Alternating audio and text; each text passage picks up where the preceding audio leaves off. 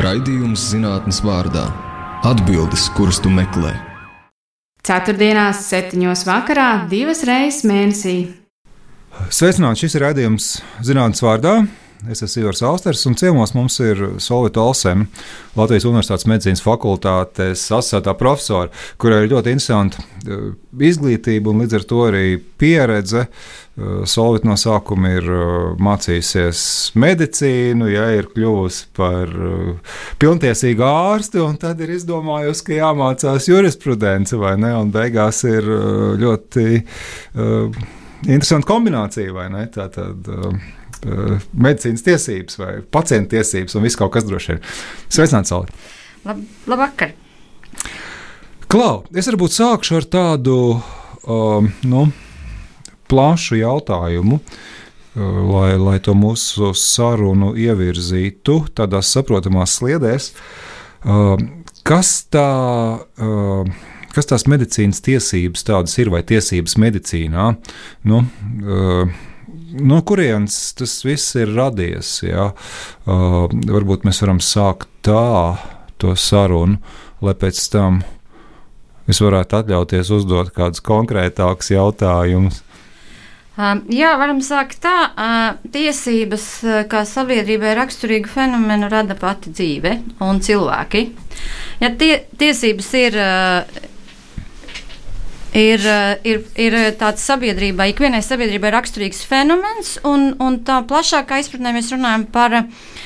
Jā, par dažādu veidu noteikumiem, kas nodrošina uh, sabiedrības uh, dzīves organizāciju, nodrošina kārtību, nodrošina labklājību, nodrošina uh, Eh, drošību nodrošina konfliktu, nu, mūsdienās konfliktu uh, nevardarbīgu risināšanu. Tas ir, lai uh, pacienti nepiekautu ārsts vai otrādāk? Vai?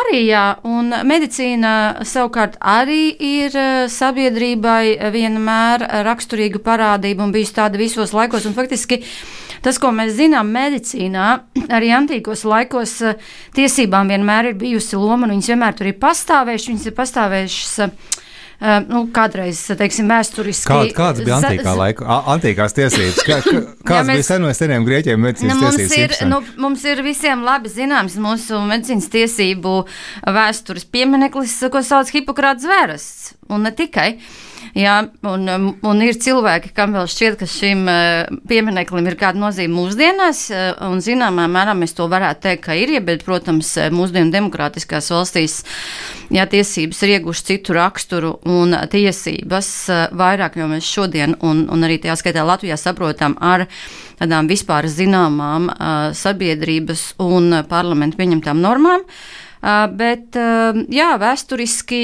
uh, medicīnas darbība, ārstu darbība ir reglamentēta un noteikta ja, ar dažādu tiesību normu palīdzību, vai ar ko kodeksiem, vai ar dažādiem noteikumiem tam līdzīgi. Jo pasaulē pandēmijas, piemēram, infekcijas slimības ir bijis liels izaicinājums visos laikos. Un, piemēram, lai cīnītos ar pandēmijas graujošiem sekām, ir vienmēr bijis vajadzība noteikt kārtību, kādā veidā ārsti ar pacientiem sadarbojas. Piemēram, ārstu konfidencialitātes pienākums Eh, kurš ir ļoti sens pienākums un uh, kuru Latvija. Vid, viduslaikos ar to ievēroja? Viduslaikos es, es, es uzreiz teikšu, es, ne, es neesmu medicīnas tiesību vēsturniece, līdz ar to man tāda ļoti detalizēta ziņas man nav, jā, bet, bet ir tā, ka eh, ka konfidencialitātes pienākums ir faktiski tas, ko es esmu arī zinātnē, zinātnē savotos lasījis, vienmēr ir bijis ārstiem svarīgs, jo Uh, jā, un faktiski tas, ko mēs redzam, ka viņu Latvijas teritorija iznīcināja padomu vara, kad cilvēka privātā dzīve bija manipulācija objekts. Jā, bet konceptuāli kon, ārsta konfidencialitātes pienākums ir primāri veltīts sabiedrības veselības aizsardzībai. Mums ir jāpanāk, ka saslimušie cilvēki iet pie ārsta, spēja uzticēt savus noslēpumus ārstam un spēja saņemt palīdzību un tādējādi izvekļoties un, un, un, un, un dzīvojot tālāk ne tikai paši, bet arī neatbraudot citus. Ja tas, tas konceptuālais mērķis mums saglab, ir saglabājies ja, visu, visus laikus, visus mm -hmm. pasaules cilvēku dzīves laikus, ja tas pats, mēs jau reti, mēs to bieži arī šobrīd Latvijā mums ir kraujoši piemēri, ka mēs to esam aizmirsuši un tāpēc mēs ļoti bieži arī uh, redzam tādus. Um, nu, diezgan bīstamus rezultātus, ja tajā uh, cilvēku izpausmē, ja, kas rodās no tā, ka, piemēram, ārsta konfidencialitātes pienākums netiek cienīts, netiek aizsargāts, mm. netiek respektēts. Ja, tā mēs vakardien uh, Latvijā bija līdzīgs piemērs. Uh, ka, uh, un, un tā mēs nevis uh, veicinām slimību Cik ārstēšanu. daudz drīkst stāstīt par to piemēru? Nu, vakar, Anonīmā formā vismaz. vakar bija piemērs, kad viena no slimnīcām izplatīja publisku paziņojumu, ka pacients ir aizgājis uz slimnīcu un melojis. Mm -hmm. Jā, pirmkārt, slimnīcas var pacientiem, lai kā, viņas, kā viņi darītu, ja šādas paziņ- paziņojumus nedrīkstētu izplatīt. Otrkārt, ja tas, ko es zinu par pacientu tiesību uh, ieviešanas līmeni Latvijas slimnīcās, man vispār, uh, jā, un, jo tas ir. Tas, tas mūsu izpratnes līmenis par pacientu tiesībām, to lomu un vietu ir tik vājš, ja mēs faktiski nespējam izmantot to potenciālu, kāds ir pacientu tiesībām. Jā, un, un tāpēc man tas, ko es zinu no ļoti daudziem piemēriem, gan savā praksē, gan studentu pētījumu darbos atspoguļotajiem, ja visbiežāk pacientam trūks zināšanu, kā labāk rīkoties, un tāpēc viņš vai arī viņš baidās. Jo, ja cilvēks baidās, bet viņam palīdzība ir vajadzīga, ja, tad tas ir pierādīts un zināms, ja viņš nav pārliecināts, ka pret viņu nevērsīsies uh, ar kaut kādām sankcijām, viņš mēdz visu informāciju neatklāt. Bet, bet, bet pacients drīkst melot, nu, teiksim, no, no, no, no, no, no pacientu. Nu, re, jūs sakat visu laiku par uh, t, uh, tiesībām, bet varbūt tur ir kaut kāda pienākuma daļa arī. Nu, man nav grūti iedomāties situācijas, kurās pacients varētu uh, speciāli samelot, nu, kaut kādu iedomātu vai reāli draudu apstākļos. Ja, ja man tagad rada uzzinās, ka man ir slimība, vai ka es esmu slims vispār, vai ka man ir noteikta veida slimība, nu, tad man var rasties problēmas, un es izvēlos samelot. Nu, kaut ko tādu var iedomāties. Ir jau arī tagad ra Nu, stāstu par covid, vai ne? Ka, uh, ka vienam otram cilvēkam, kurš pēc tam ir pilnīgi vesels, nu, no viņa tā kā no spitālīgā viduslaikos baidās, vai ne? Tur jau, tur jau tā lieta. Ka, jā, ka tāpēc es arī sāku ar konfidencialitātes mm Mhm, -hmm, pienākumu. Mm -hmm. Ja mums nav ļoti labi attīstīta konfidencial, konfidencialitātes pienākuma izpildīšana, mm Mhm. -hmm. un ja pacientam rada bailes tas, ka viņa slimības dēļ kāds pret viņu varētu vērsties tieši tā, vai darba devējs, vai ģimene, vai apkārtējie, ja tā ir e, pilnīgi normāla cilvēciska reakcija, mēģināt sevi pasargāt, un melošanu mēs izmantojam kā vienu mm -hmm. no risinājumiem, un mēs arī viņu. Ja, arī eh, ja tas ir at, nu, cilvēciski atļauts risinājums, jo tas ir normāli, ka cilvēks sevi mēģina pasargāt. Ja tāpēc jau ja tas konfidencialitātes pienākums tik ļoti strikts un arī Hipokrata zvērstā, mm -hmm. tev būs klusēt par to. Mm -hmm. ja, ir noteikts, ka lai mēs mazinātu tos riskus, kas rodas ar informācijas neizpaušanu, uzliek par pienākumu ārstam. Kā, kā ar šiem jautājumiem? Es, es, sapratu, eh, kāds ir tas pamatprincips, un droši vien klausītāji arī saprata. Um, bet um, droši vien, ka katram, kurš kādreiz ir gājis uz medicīnas iestādēm, ir uh, nācies sastapties ar situāciju, uh, ka tevi tagad bļauj pa visu, tur uh, uh, gaiteni, austēri, tur, tur vai ne. Jūs tur lūdzu ejiet tās savas venēriskās slimības ārstēt. Jā, nu, nu kaut kā tam līdzīgi es izdomāju situāciju par otro daļu, jā, bet, bet, bet, bet tas, ka, teiksim, bļauj skaļi kaut vai manu uzvārdu, man var negribēties, ka, ka visi zina, kā man sauc gal galā, jā. Un, un vai šos jautājumus arī kaut kā mēģina risināt. Tas nav tiešā veidā, kā jūs stāstījāt, vai ne? Tas nav ārsta noslēpums, bet nu, vai, vai, vai, vai tiek risināti jautājumi uh, pacientu tiesībās, ka es varētu gribēt vispār maksimāli anonīmi apmeklēt ārstniecības iestādes. Pacienta vārdu un uzvārdu ir ārsta noslēpums. Mm -hmm. Ārstam nav tiesību publiski izpaust, kādi tieši pacienti pie viņa atnākuši, tajā skaitā nosaucot pacientu uzvārdā. Eh, Un, eh, un eh, Varbūt- vēsturiski, ja tas bija konfidencialitātes pienākums mūsdienās, tas izriet šobrīd no datu aizsardzības eh, prasībām. Ja, bet uh, datu aizsardzības prasības ir, uh, ir uzbūvētas uz privātuma aizsardzību. Ja, tas jau nav nekas cits, tas ir tas pats, mm -hmm. bet no tādā modernā izpratnē. Bet mums ir Latvijas slimnīcās, es esmu redzējusi, man bija kāds divus gadus atpakaļ, man, es pavadīju vienu tuvinieku uz ambulatāras mm -hmm. ārstniecības iestādes uzņemšanu un gaidīju viņu tajā koridorā pie, pie, pie, pie tā reģistrācijas lodziņa, gaidīju, nu, kamēr viņš tur saņem savus pakalpojumus. Es rakstīju blociņā visādus pārkāpumus. Mm -hmm. Es pierakstīju kāds 12 stundas laikā. Oho. Un, un, un kas bija tie jancīgākie, ko ne, ne, negaidītu?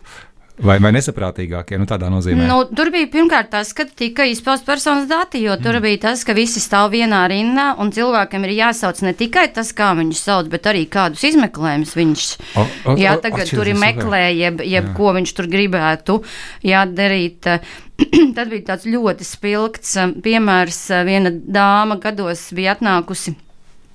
Un viņa gribēja saņemt izmeklējumu, bet viņa nevarēja atcerēties, kā to izmeklējumu sauc. Un viņi saka, nu, es nācu no uz to izmeklējumu, nu, es nevaru atcerēties, kā viņi sauc, nu, uz kur jūs nācāt, un tā jau tā reģistrātori jau tā dusmīgi uz viņu, viņi nevar atcerēties, viņi saka, nu, es nācu tur uz to, uz to kabinetu, nu, kā to izmeklējumu sauc, nu, tas par kauliem. Un tad tā reģistrātori saka, osteodensitometrija. jā, laikam, jā. Nu, tā tad arī vajag teikt. Kas te jūs nevarat iemācīties šo ļoti vienkāršo vārdu, vai ne? Tā kā, tas bija tāds, eh, jā, tāds, ehm, nu, tāds nu, reāli eh, rūpīgs pacientu tiesību pārkāpums, jo reģistrātām ir jāzina, ka ar pacientiem likums mhm. liek runāt saprotamā veidā. Jā, līdz ar to um, ir pienākums lietot tādus uh, vārdus, ko ik viens cilvēks varētu saprast. Jā. Un, un arī droši vien šis diagnožu jautājums jau arī ir nu, tas, kā, mm, nezinu, tev, tev patiešām ir kaut kāda smaga slimība, kas. Um, nu, tu vari saprotam iemeslu dēļ negribēt, ka to zina vai ne. Un, ja tagad te sauc, ej, jūs tur bērziņi vai ne, jūs, kas tur gāja, tur darīt to un to, vai ne, un ir pilnīgi skaidrs, kas tev kaiš visiem, kas tur ir klāt. Un, nu, un, tā, un, un, ja, un ja vēl cilvēks pie tam ir tā. sabiedrībā zināms, nav nu, pat svarīgi sabiedrībā zināms, nu pietiek jau, ka, ka kāds cits tevi pazīst vai ne tur. Un... Ne, pat, pat nevajag, lai kāds pazīstu cilvēks, cilvēku, jo cilvēka slimība ir nelaime. Mm -hmm. Ja, un cilvēkiem nav raksturīgi lielākajai daļai plātīties publiski un izrādīt savas nelaimes. Ja, tā ir ļoti sensitīva cilvēka īpašība, un viņš mēģina ja, pats dažādā veidā risināt savus nelaimju jautājumus. Ja, un tad viņš nonāk slimnīcā, un, un tad viņš nonāk situācijā, ka viņa nelaime tiek nolikta mm -hmm. ja, kā uz papulātes. Tas ir aizliegts ar likumu. Bet tā praksa, kāda ir, jā, ir vienkārši viņa, ir, viņa no tāda pati no cilvēka aizsardzības viedokļa, viņa ir traģiska. Man ir bijis tāds gadījums, es uh, uh, uzņemšanas nodaļā, kur nav nekāda privātuma aizsardzības apstākļi. Um, es, uh, es esmu arī zvērnāta advokāte, ne tikai universitātes profesora. Un man, man bija jāsniedz palīdzība manam klientam. Un blakus, eh, blakus aiz aizskariņa, bet pilnīgi skaņa visa dzirdama, mm. jā, tika eh, sniegta palīdzība jaunai sievietei, kura bija mēģinājusi pašnāvību izdarīt. Mm. Un tad es, mans klients, vēl citi pacienti, jā, viņiem bija, viņiem, viņi bija pat bija spiesti noklausīties šīs nelaimīgās sievietes stāstu, ieskaitot to, cik viņai bērni, kā viņa sauc, jā, kāda ir viņa dzimums dzīve un, un kāpēc viņa taisa pašnāvību. Jā, tas, tas, tas ir pilnīgi nu, nu, traģiskas situācijas. Mm. Tad zinot, ja, ka, jo faktiski ir tas, teiksim, ja mēs paskatāmies uz pacientiem Latvijā, viņi katrs ir bijis šādi, tā ir pazemošana, tā ir reāla cilvēku pazemošana, iznīcināšana. Un, un faktiski katrs pacients ir nonācis šādā situācijā. Un tad, ja mēs tagad gribam, lai tas pacients tiešām tos savus lielos noslēpumus stāsta, ja viņš jau atnāk ar milzīgām bailēm, Mm -hmm. ja, un tad līdz ar to tas arī tas rada, ja, jo papra, nu, mums nav tādu datu, un es ceru, ka varbūt mums būs kāda iespēja to pētīt. Jā, bet uh, pacients jau grib, lai tas ārsts palīdz, bet ja viņu vienlaikus viņš baidās jā, par savu drošību un par savu aizsardzību, tad, protams, tā ir dabiska cilvēka reakcija, jā, ka viņš arī kaut ko izvēlās nestāstīt. Ja, tāpēc es. Es ļoti, zinot uh, to kopējo ainu, kāda Latvijas slimnīcās, es uh, Es lielā mērā, jā, nu, man ir jādomā, ja un es arī gribētu izpētīt to vakardienas slimnīcas publisko paziņojumu un tos apstākļus, kas, jā, kas tomēr rada bažas par to, jā, vai, vai tiešām visi tie apstākļi, kādi ir nepieciešami šādu pacientu aizsardzībai slimnīcā, bija sākotnēji nodrošināti. Jo, piemēram, Jā, nu man pašai ir uzdot jautājumu par Covid pie reģistrācijas lodziņa. Mm -hmm. Un vairākās ārstniecības iestādēs. Mm -hmm. kā, bet, bet Saulīt, kā tur ir? Teiksim, jūs kā, kā advokāte, nu skaidrs, ko jūs varat darīt šādā situācijā. Bet ko jūs universitātē, medicīnas fakultātē, būdama medicīnas tiesību profesori, ko jūs, ko jūs tur darat? Nu, teiksim, ka, Ko tur nozīmē veikt pētniecību? Jūs esat profesors, jūs kaut ko mācāt, tas ir pilnīgi skaidrs, bet nu, profesors nozīmē arī kaut ko pētīt. Ja? Kādā veidā Latvijas universitāte var palīdzēt tajā uh, tiesību nu, ievērošanā, uzlabošanā? Es strādāju Latvijas universitātē, bet es redzu lielu jēgu tam, ko mēs šeit darām. Jā, pirmkārt, ja mēs runājam par, uh, par mācīšanu. Uh, lai mēs uzlabotu sistēmu, mums primāri ir jāpanāk, lai tie cilvēki, kas sistēmu organizē un sistēmā strādā, tad, tad medicīnas darbinieki ir zinoši tiesību jautājumos. Jo pacients, es piemēram, var būt zinoši ļoti labi, bet ja tas mediķis, kas stāv man pretī, nezina neko, tad atkal manas tiesību īstenošana ir ļoti vāja iespējama, ja īpaši tajās situācijās, ka es būšu nespējīga. Jā, tā, tā, tāpēc mācīt medicīnas studentiem tiesības un um, jā, panākt, ka viņi zina, kas, kas ir jādara, kā ir jādara, un vēl vairāk, ko nekad nedrīkstētu darīt. Jā, tas ir ļoti liels ieguldījums tajā, ka mēs panākam, ka mūsu mediķi Un, ja jaunie meģiķi šajā gadījumā ja, ir zinoši un prasmīgi tiesību jautājumos, jo tas viņu mhm. pasargās gan viņus no nelikumīgas darbības, gan lielā mērā nodrošinās jā, veiksmīgu pacientu ārstēšanu, jo uz pacientu centrēta aprūpe, kur arī tiesību jautājumi ir ļoti svarīgi, ir, uh, ir pierādīts un mūsdienu veselības aprūpas attīstības virziens. Ja ir sen zināms, ka ja mēs pacientus ārstējam kā, kā skāpjus, jeb kā gultas, jeb kā krēslus, nerespektējot viņa cilvēcību, cilvēku cieņu, viņa vērtības, mēs nevaram sasniegt ārstēšanas rezultātus mm -hmm. tik labi, ja mēs ārstējam viņu kā cilvēku. Tas ir arī um, tādā nozīmē Vai jums ir empiriski dati? Nu, tā, tas ir, vai, vai, vai jūsu gadījumā pētījumi nozīmē tagad uh, roku rokā uh, iet ar, ar, ar uh, bioloģiskā virziena pētniekiem, lai uz šiem jautājumiem atbildētu? Es saprotu, kas tāds ir. Jā, protams, ka, jo faktiski, ja tā tie tiesību jautājumi medicīnā, viņi jau lielā mērā apskata uh, cilvēku veselību gan kā bioloģisku fenomenu, gan kā psiholoģisku fenomenu, gan arī kā sabiedrisku mm. fenomenu. Mm. Un, un, un, un tā mana daļa ir tā tiesību komponente, bet ņemot vērā manu ārstu izglītību, es ļoti daudz varu jau integrēt savā pētniecībā arī gan to bioloģisko, gan sabiedrisko, gan arī to nu, um, jā, psiholoģisko komponentu, lai mēs uh, labāk varētu saprast, ja kāda rīcība būtu nepieciešama, kāda rīcība būtu aizlied, aizliedzama. Jā, tas, ko es gribēju tālāk vēl paturpināt, protams, arī kā universitātes profesora, ja mēs arī veicam pētniecību. Un, un, un šobrīd, ja es, mums ir uh, Covid pētījuma projekts, uh, mums ir tas, kopā, tas ir ritīgi interesanti. Jā, ko, kopā ar Rīgas Stradiņu universitāti pētām, kādā veidā ierobežot uh, Covid epidēmijas ietekmi uz veselības aprūpas sistēmu. Pasaulē izdarīsim tā. Tātad mēs esam diezgan daudz runājuši. Uztaisīsim vienu muzikas pauzi šajā raidījumā. Zinātnes vārdā parasti ir kāds divas pauzes, jau, un tad varbūt uztaisīsim vienu tagad, un pēc tam parunāsim arī par. Uh, Covid. Uh, nu, Mūzikai ir ļoti Vai, labs terapeitisks efekts. Tik ātri, jā, jā, tik ātri jau mēs neaizmirsīsim, zinot, kur mēs te bijām vai ne tajā sarunā.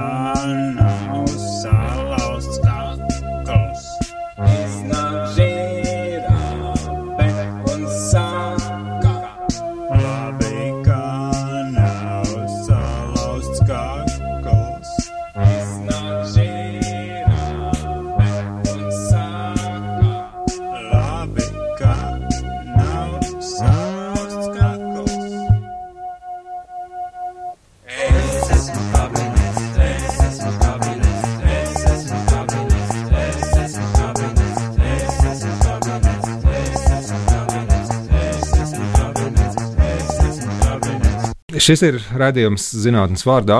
Šodien mums ciemos ir Solvita Olsen no medicīnas fakultātes. Profesori medicīnas tiesībās, un es esmu Ivars Austers.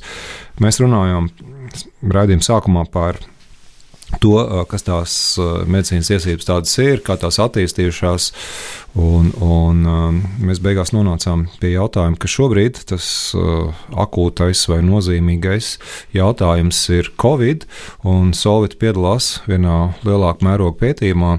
Tāds valsts, valsts pētījuma programma šobrīd uh, ir sākusies, nu jau dažiem būs mēneši divi, jau kopš augusta, uh, par, par Covid uh, dažādiem aspektiem. Un, un, jā, ko jūs tur darat šajā pētījumā? Pastāstiet, varbūt sīkāk. Uh, kopumā mēs uh, kopā ar Rīgas Televiņu Universitāti un Banku augstskolu pētām, kā Covid pandēmija ietekmē veselības aprūpas sistēmu. Mm. Un, uh, un mūsu uzdevums ir uh, izstrādāt priekšlikumus uh, uh, rīcībai, kāda būtu nepieciešama, lai uh, valsts un veselības aprūpas sistēma labāk varētu rīkoties pandēmijas apstākļos. Tieši mana un manas komandas uh, pētniecības tēma ir cilvēktiesību īstenošana pandēmijas apstākļos, jo uh, cilvēktiesības ir uh, jāizsargā jebkurā laikā. Pandēmija neļauj uh, ierobežot cilvēktiesības nesaprātīgi mm -hmm. un bez tiesiska pamata. Un tas, ko mēs ar citu novērojam Latvijā kopš marta, mums bija ļoti daudz un dažādi arī nelikumīgi cilvēktiesību ierobežojumi. Piemēram, kas, Piemēram pacientiem intensīvās terapijas nodaļā tika aizliegta telefona lietošana. Piemēram, dzemdētājām tika aizliegts partneru klātbūtne dzemdībās. Jā, piemēram, pacientiem slimnīcās tika aizliegta viņa privāto mantu lielā mērā mm. uh, lietošana. Bet es pēc tam tas stāstījums varēs turpināt, bet es gribu vienu precīzu jautājumu pa vidu uzdot. Uh, kas nosaka to, vai, vai šķietam, vai pa īstam, kad drīkst kaut ko ierobežot un kad nē. Jo es pieņemu, ka ir robežas situācijas, nu, kad tu esi jau pāri tai robežai, nu tad drīkst vai ne kaut ko darīt tur sabiedrības labā vai ne. Jo, jo, jo, jo protams, gandrīz viss, kas marta vidū tika pateikts, nu, vairāk vai mazāk jau ierobežoja kaut ko. Tev būs darīt to un to, tev nebūs darīt to un to, vai ne tā baušļu formā tev pasaka priekšā. Nu, Mēs pieņemam, ka tas cilvēks it kā nesaprot. Nu, kaut kāda taisnība droši vien arī ir, ka cilvēks reizēm nesaprot. Ne? Nu, kā, ka, kas, kas ir tie atskaites punkti, kas ir tie kriteriji, kad drīkst un kad nedrīkst? Uh. Mums ir uh, lielisks instruments, kas nosaka, kad drīkst, ier, kad drīkst ierobežot un kādā kārtībā cilvēktiesības, un to sauc par satversmi. Mm -hmm.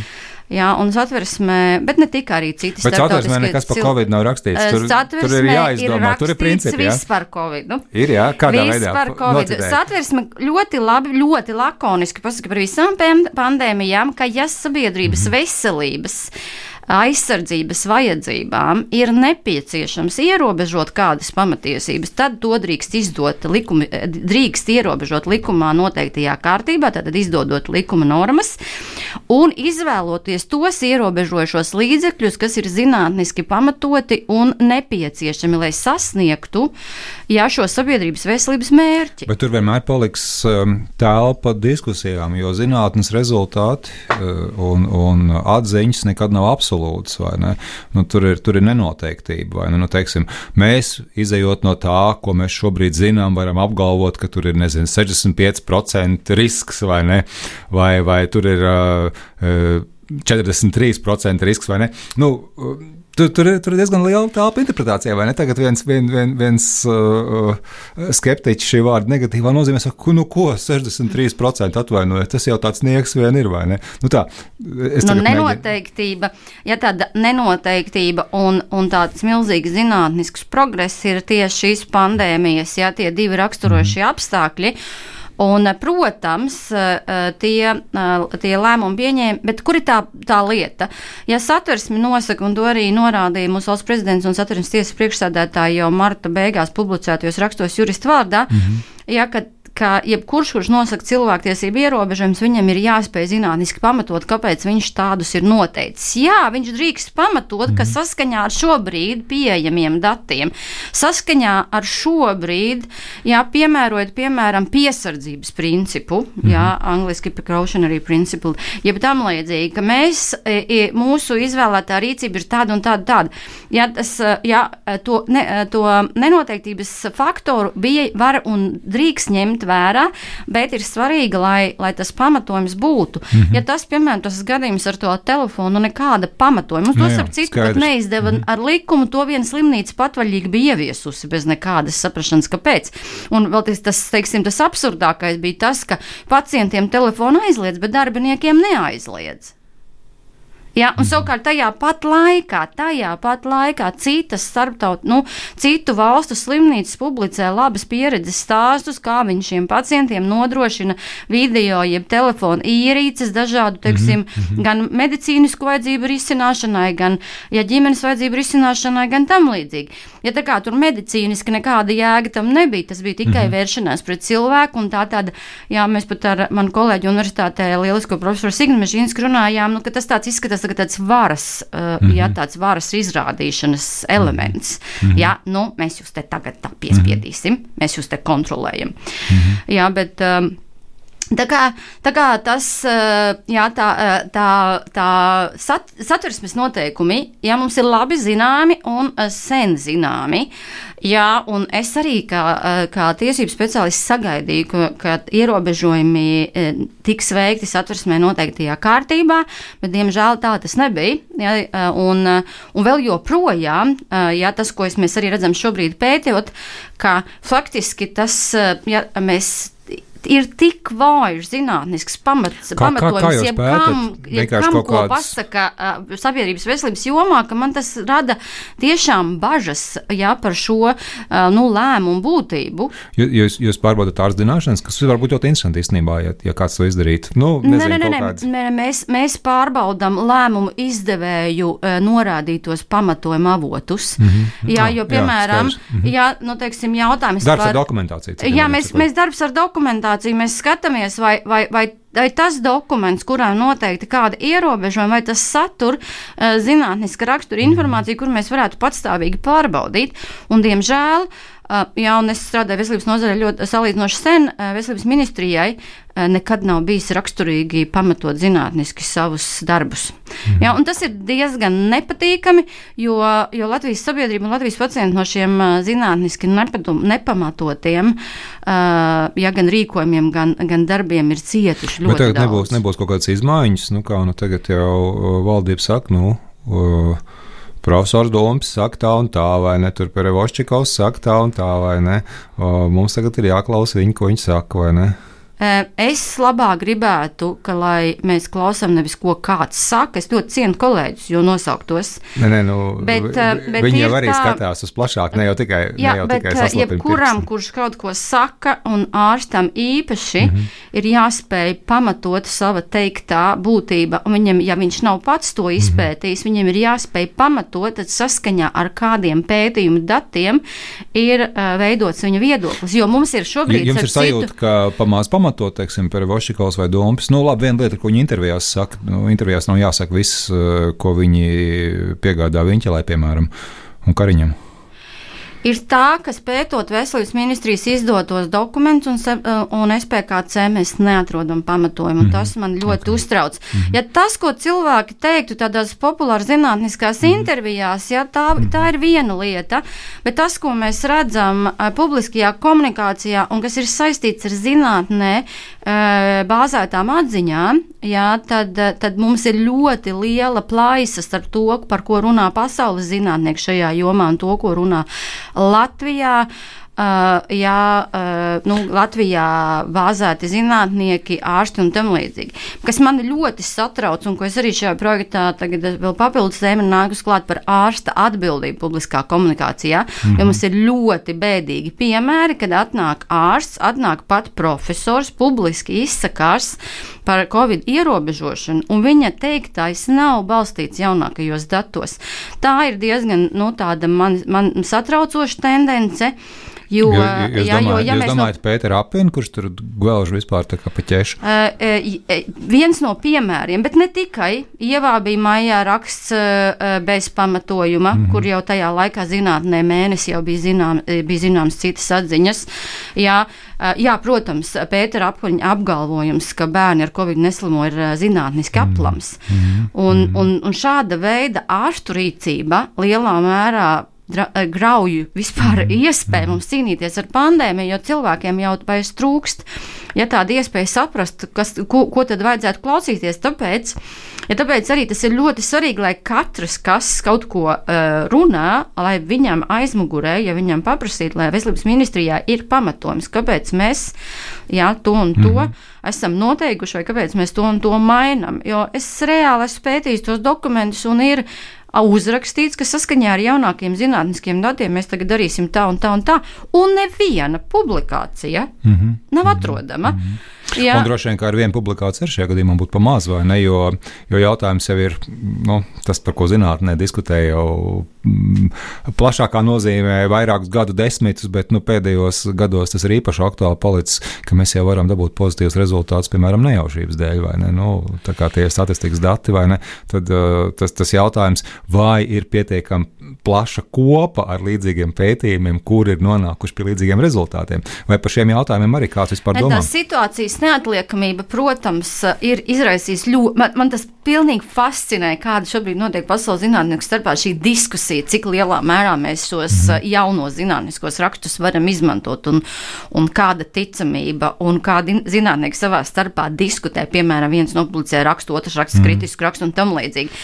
Jā, un tāpēc, tas jau viss tas jau skaisti, tas jau tas zinātnes sarums. Jā, jā tas ir. Tas ja ir man, man katrā gadījumā tas tiešām, nu, teiksim, tāpēc man šis laiks ļoti patīk, mm. jo, jo, jo tā dinamika, kāda mums šeit ir, ir brīnišķīga, nu, zinātniski. Mm. Jā, man, man medicīna zinātnē ļoti patīk.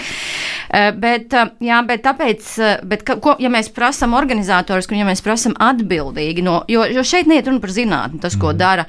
Uh, ja uh, tie, kas komunicē par sabiedrībā noteiktiem ierobežojumiem, šeit iet runa par uh, likuma noteikšanu, par cilvēku informēšanu, par kādas rīcības pieprasīšanu. Ja, uh, mēs pieļaujam, ka viņi, viņu izmantotie zinātniskie dati varētu būt neprecīzi, Bet nevar būt situācija, ka šo zinātnisko datu nav. Jo tāpēc, ka mēs, jā, pat ja tas, pat, tas, pat tas organizators, jo, nu, piemēram, Pervošķiko kungs, viņš ir valsts amatpersona, viņš ir valsts iestādes darbinieks. Jā, pat viņš būtu atlasījis zinātnisko savotu un pat tur izrādītos, ja, pēc nedēļas tajā, no, no tajā avotā pausties secinājumi tiek apgāsti, ja tad būtu vismaz ko atsaukt. -hmm. Ja, ja būtu, ko, būtu iespēja teikt, ka tagad um, zinātniskie pētījumi pierāda citu, jeb nu, ir papildinājuši mūsu zināšanas par šo, bet tā kā nav nekādu atsauču, ja, tad mēs uh, jau nevaram saprast, ja, kas vai bija tas pamatots vai nebija. Jo ir divas šobrīd tendences pasaulē. Ir knowledge-based uh, policy, tātad uz zināšanām mm -hmm. balstīta politika vai, uh, vai populismā balstīta politika. Un, un, un šobrīd pasaules valsts ļoti atšķirās. Ir tās, kas, kur ir populisms, populisms, populisms, un šodien ir pētījums, starp citu, jā, ka Trumpa politika ir, ir, ir radījusi lielāko kaitējumu mm -hmm. Covid, jā, izplatot visādu, jā, visādas nepatiesas informācijas mm -hmm. par Covid kā tādu un ierobežošanu. Jā, un savukārt ir, protams, valsts, šodien klausījos Vācijas jā, veselības ministrs un, un, un, un PVO Eiropas reģionālo direktoru un tam līdzīgi, kas ļoti balsta savu politiku zinātnisko pieeju zināšanās par vīrusu ierobežošanu. Jā, arī šie, teiksim, vakar zinātniski tika, jā, Gašteins formā tika norādīts, ka arī Vācijas zinātnieki februārī vēl, vēl teica Vācijas valdībai, ka tas vīrus tik strauji nevar izplatīties. Mm -hmm. Bet Viņi arī atzīst, jā, ka viņa tas pieņēmums bija kļūdains. Mm -hmm. Jā, visi to zina, un visi strādā tālāk. Jā, Tā kā tas, ka mēs, eh, mums ir vienmēr jāpasaka, ka tas, ko es šodien saku, ir balstīts uz manām zināšanām šodien. Un iespējams, ja un es ceru, ka rītā man būs labākas zināšanas par to tēmu, mm -hmm. par ko mēs šodien runājam, tad mēs varēsim parunāt atkal. Ja tas mums vienmēr ir jāpasaka. Bet, uh, Bet uh, nevarētu būt tā, un tas ir Latvijā tas provinciālisms ir diezgan, diezgan daudz izteikts, jā, un, piemēram, tas tipisks ir jautājums par masku efektivitāti. Jā, man pilnīgi, nu, nu man šausmināja, uh, ja tā valdības un atbildīgo amatpersonu pieeja aprīlī, maijā, jūnijā, kas stāstīja, ka masku efektivitāte Covid ierobežošanai nav pierādīta. Mm -hmm. Jau aprīļa sākumā British Medical Journal bija ja, vairāki raksti, un pēc tam aprīlī tie raksti nāca klāt. Jā, un mums mēģināja stāstīt man tajā skaitā personīgi Twitterī, publiskajā telpā, ka nē, tas nesot pierādīts. Mm -hmm. Jā, tas ir, tas ir vienkārši provinciālisms, tā ir aprobežotība. Mm -hmm. Jā, un, un, un katrā gadījumā, lai mēs izdzīvot šādos apstākļos, kad ir pandēmija, jā, nu, aprobežotība iespējams mums palīdz kaut kādā mērā, jo mēs nevar, nesatraucamies par to, par ko satraucas vispārējā pasaule mm. un dzīvojam savā jā, meža malā laimīgi un ilgi, bet, eh, bet nu, man katrā gadījumā, ja šāda veida pieeja, ja nešķiet eh, tāda, mm -hmm. nu, eh, kā es saku, droša. Mm -hmm. bet sakiet, Solvit, kā ir ar jautājumu, kurš gribot, negribot izrietēs tagad, es ceru, ka ātrāk nekā vēlāk, jautājums par vakcināciju. Um, dažādu iemeslu dēļ kurus mēs droši vien neiztirzāsim. Daudz cilvēku ir divainā kārtā skeptiski pret vakcīnu. Jēgu, nu, jēg, jēg tās lietot, vai ne? Uh, un, un uh, tad kā medicīnas tiesības zinātne skatās uz šiem jautājumiem, uh, vai cilvēkam uh, ir tiesības nevakcinēties, un ja jā, tad kāpēc? Uh, noteikti ir situācijas, nu man nav grūti iedomāties, ja uh, vakcīnas apdraud tavu veselību, uh, varbūt pat dzīvību, kas ir Ir tādas, tādi gadījumi, protams, vai ne, bet nu, vakcīna efektivitāte, kā mēs zinām, ir, ir iespējama tikai tajā gadījumā, ja noteikti proporcija no sabiedrības uh, to izdara, vai ne, nu, nepietiek, ka tur 10% izdarīs. Tātad, uh, vai uh, drīkst ļaut cilvēkiem pašiem veikt šo izvēli? Ja? Nu, jūs kaut kad sarunas sākumā pieminējāt padomu laikus, un tad tur neviens īpaši neprasīja, vai ne, tu gribi vai nē, nu, mazs bērns bija vai ne, iegrūdi šprici, viss kārtībā. Un, nu, tas vispār ir interesants jautājums, kas padomju laikā notika, vai ne, cik lielā mērā cilvēks pats varēja pieņemt lēmumus. Uh, bet, jā, bet, tas tiešām būtu pē, pētījuma vērts jautājums, kas notika ārstniecības iestādēs padomu laikā. Jā, jā. Uh, bet, bet, bet, kā, bet kā būs ar šo uh, tēmu? Nu, kaut kādā pakāpē jau tas ir sācies, bet tas droši vien būs. Nu, kas aktuālāk. šobrīd, kāda ir kopēja Eiropas nostāja, un arī tie visi atbildīgie cilvēki, kas strādā, jā, jo vakcinācija ir kā, kā instruments sabiedrības veselībā ļoti efektīvs. Un vakcinācija mūsu sabiedrībā ļauj samazināt un būtiski samazināt, pas, pasargāt cilvēkus no tām slimībām, piemēram, masalām vai poliomielīta, jā, kas iepriekš -hmm. uh, izraisīja milzīgu daudzumu saslimšanu un, un, un arī cilvēku nāvis, cilvēku invaliditātes un tam līdzīgi. Un tāpēc, jā, uh, man medicīniski ir, ir pilna pārliecība, ka vakcīnas ir efektīvs līdzeklis mūsu labākajai dzīvei. Bet, Mēs bet, bet nedzīvotu tagad... tik labi, ja mums nebūtu vakcīnas. Bet citi cilvēki teiks, man ir tiesības izvēlēties Vai viņiem ir tiesības vai nav attiecībā uz sevi, uz saviem bērniem? Uh, ir tā, šeit, bet šeit ir vairāk aspekti. Katram, protams, cilvēkam demokrātiskā valstī ir trīs pamatbrīvības - cilvēka cieņa, cilvēka mm. brīvība un pašnoteikšanās. Un, un faktiski medicīnā un medicīnas tiesībās mēs operējam tikai ar šīm brīvībām, mm. jo piespiedu mehānismus, tādas kāda ir raksturīga krimināla tiesībām, mēs atļaujam izmantot likumiski tikai ļoti atsevišķos gadījumos, pie tiešām lieliem apdraudējumiem, pie būtiskiem jā, būtiskiem riskiem. Nu, piemēram, ja ir atļauts ievietot cilvēku piespiedu ārstēšanai, ja, ja viņš ir savas slimības dēļ nu, izdarījis mm. noziedzīgu, nu, smagu noziedzīgu mm. nodarījumu, bet nu, tur vēl jāskatās, ja mums tur vēl ir problēma, ka mēs arī zaptes burciņas sākļus varētu, ja šādā veidā mhm. pakļaut, mm. lai gan cilvē, nu, cilvēks to dara, tāpēc ne jau, ka viņš to grib, bet tāpēc, ka viņam ir, ja viņa, viņa bioloģija ir tāda, ka viņš nesaprot īsti, ko viņš dara. Mm. Jā, un, un tas ir tā, tā kā nežēlīga izturēšanās pret cilvēkiem. Ja, bet, bet principā, jā, tas, kas ir pilnīgi skaidrs šobrīd arī Eiropā, ka vakcinācija, Covid vakcinācija, tad, kad būs droša vakcīna, ir pilnīgi skaidrs, ka Eiropa nepieļaus nedrošas vakcīnas ievie, mm -hmm. jā, ieviešanu. Ja to atkārto visi, kas par to ir atbildīgi, un vakcīnas drošumu vērtēs Eiropas medicīnas aģentūra. Uh, tad nevērties Nu, katra mums, dalība mums valsts. droši vakcīna ir, Jā, bet, bet un, vienalga ā, būs daži, daži Uh, un, un, ir, ļaudis. un ir tagad skaidri pateikts, un to saka, jā, ka vakcī, vakcinācija būs brīvprātīga. Bet kur ir tā lielākā problēma? Kāpēc mēs ļoti bieži nevaram sev palīdzēt, nevaram palīdzēt saviem tuviniekiem? Kāpēc mēs nesasniedzam ārstēšanas rezultātus? Tāpēc, ka cilvēkiem veselības zinātība, jeb angliski health literacy, mm -hmm. ir ārkārtīgi zemā līmenī. Un š, tajā skaitā arī mediķu starpā, ja runā par pašu savu veselību. Un cilvēki, jā, neatšķir eh, to informāciju par veselību, kas ir saistīti ar, eh, ar, ar, viltus ziņām, jā, kas ir saistīta ar, piemēram, par vakcināciju. Un cilvēks nespēja kritiski pat izanalizēt, vai tas, ko viņam kāds saka, un īpaši tās aktīvās grupas, kas, eh, kas uh, iestājās pret vakcināciju uh, kā ideju, neapspriežot, ja kādu ļaunumu tas nodarītu cilvēkiem. Jā, ir cilvēki, kam vienkārši nav tās zināšanas un prasmes šo informāciju izvērtēt un tad pieņemt zināšanās balstības mm. lēmumus. Un, tā, un, citu, jā, veselības zinātība arī starp Eiropas valstīm, jā, tie dati liecina, ka viņa nav nemaz tik izplatīta, jā, nevienā Eiropas valstī. Un faktiski tas, kas mums šajā, un, un vakcinācija ir tieši tas viens, viens no tiem piemēriem, kur mums zinātības trūkums apdraud, jo apdraud mūs, jo apdraud mūsu bet tiem, bērnus. bet tiem cilvēkiem, kuri, kuri ir pret vakcināciju, viņus jau nevar vienkārši izglītot. Nu, tu vari var, tā teikt uz galvas stāvēt, tu vari uh, viņiem no vienas puses, uh, ja tu gribi tā attraktīvi, bet ja tu gribi vienkārši dot faktus, datus, uh, viņi jau neņems pretī. Uh, Tā jau nebūs, tā jau nebūs diskusija pēc būtības, vai tā nebūs tāda izglītošana pēc būtības. Nu, ir kaut kādi Ir jautājumi, kuriem īsti nevaram- pozitīvākas ziņas. Vakar es kā reiz piedalījos zinātniskā sesijā par veselības zinātību, Jā. kur, kur uzstājās tiešām eksperti, kas jau ar šo, par šo jautājumu pēt Mhm. desmit gadus. Un, un tad, eh, principā, tie jaunākie dati mums rāda, ka, mēs izmantojam pareizus līdzekļus, lai Vai- vai- informētu pacientus, mēs sasniedzam zinātību aptuveni 95%. Jā, pat tajās pacientu populācijās, kas, kam ir mazāka izglītība, mm -hmm. kam ir da, grūtāka apstākļi saprast un tam līdzīgi.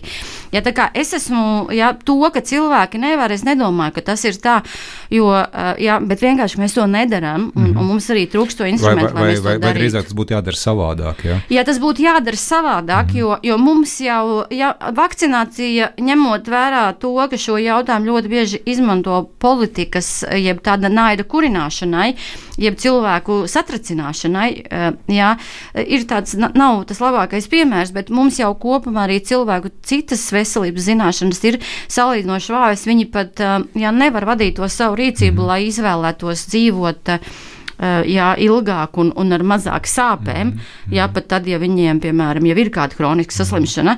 Uh, un tas ir tāds liels koncepts, un, tāda, jā, un, un ir labi, ka šobrīd, jā, pēd, bet tas ir tikai pēdējos desmit gadus. Jā, šobrīd šis jautājums uh, ir uh, salīdzinoši augsts arī, piemēram, Eiropas Savienības politikā, jā, ka, jā, ka mēs varēsim sasniegt labākus ārstēšanas rezultātus visās nozarēs, ja, mēs, uh, ja mūsu pacienti būs zinošāki. Bet kur tā problēma ir, ja mums Latvijā tajā skaitā veselības izglītības vispār nav skolā, tas, kas tur tās druskas ir, ja mēs to nevaram uzskatīt par veselības izglītību. Un ja mēs to cilvēku jau no pašas bērna kājas, ja mēs viņu neizglītojam un ne, neradām viņam uz, zināšanām, bals- uz zināšanām balstītas veselības prasmes jau no bērna kājas, ja tad mēs nevaram sagaidīt, ka tad, kad viņš sasniegs 20 gadu vecumu vai 25 gadu vecumu, kad viņš tagad kļūs prasmīgs lietotājs. Vajag, vajag, vajag kaut kādu to zinību vakcīnu iešaut, ka tev ir kāds pusotrs vai divi gadi, lai tu nepakļautos visām lietām. Labi, uztaisīsim vēl vienu, vēl vienu mūzikas pauzi, un tad um, parunāsim vēl. Thank you.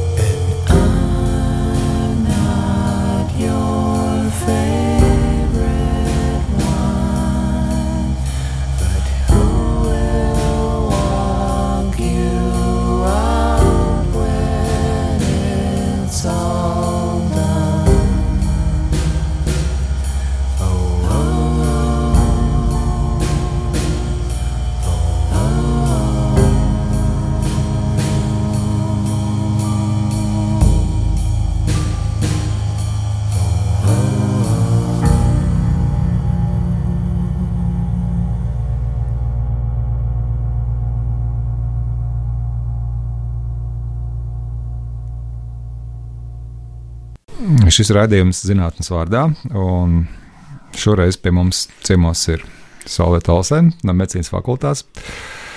Profesora medicīnas tiesībās, es esmu Ivars Austers. Mēs jau runājam par vairākām tēmām te līdz šim. Tātad viena tēma bija mm, par to, kā tās medicīnas tiesības ir vēsturiski attīstījušās, ko tas īsti nozīmē. Un, un tad mēs diezgan daudz parunājām par Covid, kādas ir iespējamās problēmas no uh, tiesību jautājumu uh, puses skatoties, beigās mēs nonācām pie vakcīnu jautājuma, vai ne, tas varētu būt tāds uh, diezgan uh, svarīgs un, un uh, arī, arī droši vien uh, daudz darba un asprātības un izdomas paģērošs uh, jautājums, kas būs jārisina. Bet es gribu tagad sarunas beigās. Mums ir vēl kādas desmit minūtes, nepilnas palikušas, ko parunāt. Es gribu apsīt, kur nākotnē tagad virzās uh, tā uh, medicīnas tiesība joma. Uh, nu, kaut kas daudz, daudz lietas jau jaunas nāk. Tagad ar Covid, protams, mēs esam aizmirsuši, vai ne? Bet uh, medicīna strauji attīstās. Uh, tas, kas medicīna bija pirms 20 gadiem, Nu, un, un tas, kas medicīna ir tagad, tas ir nesalīdzināms sfēras. Nu, labi, var salīdzināt, protams, ka mēs varam pazīt, vai ne, ka kardioloģija ir kardioloģija, vai ne, un, un, un tur traumatoloģija ir traumatoloģija. Bet tas, kādā veidā uh, palīdzība uh, cilvēkiem tiek sniegta, to droši vien pirms 20 gadiem nevar iedomāties. Nu, teiksim, man pirms pāris gadiem bija viena tāda ķirurģiska operācija, kas nu, pirms gadiem 20 man būtu, es, es, es, es nevarētu bez klibošanas pastaigāt, vai ne, bet tagad man uztaisīja operācijas pāris mēnešus vienkārši drusku uh, pa, pavingroju, vai ne? Un es īsti nejūtu, ka man tā problēma ir bijusi. Tad, bet, bet, bet ko es gribēju teikt? Uh, vai, vai, kas mainās no, no, no, no tiesību viedokļa? Ja? Cik es saprotu, divas tās jomas, kas strauji nāk iekšā, kā jebkurā profesijā, ir mākslīgais intelekts un droši vien arī kaut kādas. Nu, varbūt pat roboti, es nezinu, es tagad mīnu. Ja? Jā, jā, uh, un, teiksim, kā, kā, kā, kā šīs jomas iespaidos uh, medicīnas tiesības? Es Vai grib, jau iespaido? Es, jā, es gribu teikt, ka atgriežoties pie sākotnējā jautājuma, kas mums būs aktuāls tuvākos mm -hmm. un tā, tuvākā un tālākā jautājumā no medicīnas tiesību viedokļa ir trīs lielās mhm. tēmas. Mm -hmm. jā. Covid lieliski parādīja, cik mums ir netaisnīgas sistēmas, cik mums ir netaisnīgi ja, dzīvojuša sabiedrība. Un, un cik daudz cieš mūsu vājākās sabiedrības grupas, ja tajā skaitā tie, piemēram, darbinieki, kas dara salīdzinoši vienkāršos darbus. Ja, un tā nevienlīdzība, cilvēku nevienlīdzība sabiedrībā, kas jau mums, protams, bija zinām arī pirms Covid, ja, ir, ar Covid ir vienkārši. Nu, atklājusies visā tajā savā briesmīgumā. Un tā ir, tas ir tiesību jautājums, tajā skaitā, kā nodrošināt, uh, jā, li, nu, uh, uh, kā līdztiesību mm. labāk nodrošināt. Otrs jautājums ir pacienta drošība, jo, lai arī cik mums ir jaukas iekārtas un cik mums ir lieliskas tehnoloģijas, jau pēc jaunākiem PVO datiem, Četri no desmit pacientiem cieši kaitējumu ārstniecības iestādē. Četri no desmit. Četri no desmit. 40%. Jā, jā, tur ir eh, tas aprēķinātie cipari, ko mēs, cik mēs zaudējam naudās un dzīvībās, ir nu, katastrofāli. Jā, tagad 17. septembrī bija pacientu drošības diena un, un, un PVO. Jā, publicēja jaunākos datus pacientu drošība. Tas ir Latvijā vai pasaulē? Tas ir pasaulē. pasaulē. Latvijā mums datu faktiski nav. Mums ir, protams, tie traģiskie ārstēšanas rādītāji. Mums Latvijā aptuveni 45% cilvēku saslimst ar ārst, nomirst ar ārstējumām kaitēm. Mēs, jā, ja vid, nu, labākie Eiropas rādītāji ir tur 8, 9, bet es uzreiz saku, es procentos neesmu precīzi, jo es viņus no galvas nekad nemācos. Jā, bet ļoti, bet mums ir milzīgs uh, skaits to cilvēku, kas nomirst uh, tajās situācijās, kur viņus varētu izārstēt, ja mēs viņus ārstētu. Un tas ir pacientu drošības jautājums. Ja tad, tad otrā tēma ir pacientu drošība, un tur ir daudz kas no tiesību, tiesību jomām. Un trešais ir, protams, jā, uh, mūsu sabiedrības, mūsu dzīves un tā skaitā veselības aprūpas digitalizācija. Tajā skaitā mākslīgais intelekts. Mēs Mēs, protams, medicīnā mākslīgais intelekts jau tagad strādā, nu. jo viņš strādā diezgan žiprīgi, jā, bet arī šeit ir jautājums gan par cilvēku vienlīdzību, gan par cilvēku diskriminācijas gadījumiem. Jo saprotiet, ja kādu mākslīgo... piemēru var pašidot? Nu, mākslīgo... Vispār kā saprot, kā mākslīgo intelektu tagad no tiesību viedokļa? Un, un kādas problēmas tas var radīt. Un, teiksim, par ko jums ir jādomā? Piemēram, tas, kas arī Covid laikā jā, tika ļoti labi ir citās valstīs reģistrēts, un Latvijā mums vienkārši to datu nav. Jā, ir reģistrēts tas, ka tie cilvēki, kuri jau sākotnēji bija ar daudz labāk digitāli aprīkoti un ar daudz, daudz labāk digitālām prasmēm, mazāk zaudēja veselības aprūpas pakalpojumu pieejamībā. Un savukārt tie, kas jau pirms tam bija vājāki un kuriem nebija tās mm -hmm. iekārtas, ja arī neko nevarēja izdarīt un palika at, nu, jā, jā, nesasnieguši to, ko viņi gribēja. Jā, mēs arī, piemēram, ieviešam digitālos veselības aprūpas pakalpojumus, un tos parasti izmanto tie uh, uh, bagātākie, zinošākie, varošākie. Un tas tādā tiesību nozīmē, no jūsu pozīcijām skatoties, nevienlīdzības Nenormāli nevienlīdzība un faktiski ja, un, un tāda organizācija, kas ved uz diskrimināciju. Jo faktiski, kas mums būtu jādara? Mums būtu jādara viss, lai tie vājākie, vājākā, vājākā, vājākie 10% tiktu sasniegti. Jo, ja mēs sasniegsim tos vājākos 10%, tad, protams, tie visi pārējie sasniegs mūs paši. Jā, tā ir, jā, tā, tā, tas ir tas, ko mēs arī, ko, nu, arī jā, Covid laikā mēs lieliski redzējām. Uh, jā, kā cilvēkiem te, uh, digitālās iespējas, jā, mums viņas ir, bet uh, mēs jau viņi paši, paši šīs digitālās iespējas radām. Un tā kā cilvēks rada visus šos instrumentus, tā skaitā mākslīgās intelekta, mākslīgā intelekta algoritmus, jā, tad šeit viņš cilvēks ja dažāda veida diskriminējošos elementus jau pat var iebūvēt, nu, piemēram, lai sasniegtu zinošākos, mm -hmm. bagātākos klientus. Jā, un, un tāpēc mums Kāds ir tā tie... mēģina darīt? Jā, protams, jā, ļoti daudz piemēru pasaulē, ka kas, kāds tā mēģina darīt, nosmelt nu, krējumu. Kādu triku, lai, lai, lai klausītāji neuzķertos? Nu, piemēram, Lielbritānijā, Londonā tika ieviesta, saucamais Babylon kompānija ieviesa ģimenes ārsta pakalpojumus telemedicīnas. Jā, un viņi tiešām bija mērķēti uz bagātākiem, zinošākiem jauniem klientiem. Mhm. Jā, tā ir acīm redzama segregācija pacientu. Jā, kas noved pie diskriminācijas, jo, jo, jo tiem vājākiem tas ir vajadzīgs vēl vairāk, bet viņiem nav to iespēju, mm -hmm. lai to sasniegtu. Un, un savukārt tas pakalpojums netiek attīstīts, lai sasniegtu vispirms tos vājākos. Jā. Tā kā, tā kā tas, ja tie piemēri ir tādi ļoti daudz, tā kā, tā kā ja tā kopsavēlkot, jā, nevienlīdzība ir milzīga, un būs mūsu, tas ir mūsu sabiedrības kopējais izaicinājums. Un, protams, mhm. veselības nevienlīdzība ir mūsu lielākais biets. Jo jau vēl citur mēs varam to nevienlīdzību kaut cik izturēt, nu, dzīvojam lielākā vai mazākā dzīvoklī, ja būtiski jau nu, mūsu dzīve no tā nemainās, ja tad veselība ir mūsu pamat vērtība, pamat faktiski prie, eksistences priekšnoteikums. Mhm. Ja, un, ja, ja vieniem ir eksistences priekšnoteikumi daudz labāki nekā otriem, ja tad, protams, tie pirmie jā, būs daudz vairāk spējīgi sasniegt. Uh, ko, te, ko te var mainīt, ko te var aizvietot, ko te var uzlabot? Nu, paņemsim Latvijas situāciju. Vienkārši Kur, ko jūs mēģināsiet darīt tuvāko gadu laikā šajā ziņā? Jūs droši vien, nu, jūs jau stāstījāt par Covid, tuvāk, jā, jā, tas, tuvāk, tas ir apmēram skaidrs, bet. Uh, tuvākajā gadu laikā mēs uh, janvārī sāksim jaunu pētījumu projektu. Mēs sāksim pētīt uh, cilvēku ar psihiskām saslimšanām, lemtspējas vērtēšanas mm -hmm. procesu ārstniecības iestādēs un mehānismus, cilvēktiesību mehānismus, kas šos cilvēkus var vairāk pasargāt, vairāk iesaistīt viņus ārstēšanā. Un es eh, tiešām ceru, jo, cil, jo cilvēki ar garīgi raksturu traucējumiem, gan, gan lielākiem, gan mazākiem, ir tiešām eh, jā, gan mūsu sabiedrības vērtība, gan arī mūsu sabiedrības vājais punkts. Un jo mēs vairāk varētu veicināt šo cilvēku potenciālu visās mm -hmm. dzīves lietās, ja mēs vairāk iegūtu gan kā sabiedrība, ja, gan šie cilvēki paši iegūtu. Un, un mēs, mums būs trīsgadīgs pētījums, tas arī ir valsts finansēts pētījums Latvijas Zinātņu padomas konkursu rezultātā iegūts. Ja, tāds reāls mhm. ieguldījums, ja, kā es teicu, jā, stiprināt tos vājākos desmit no mhm. simts. Paldies, Solīt! Tas, tas to un paskrēja nemanot.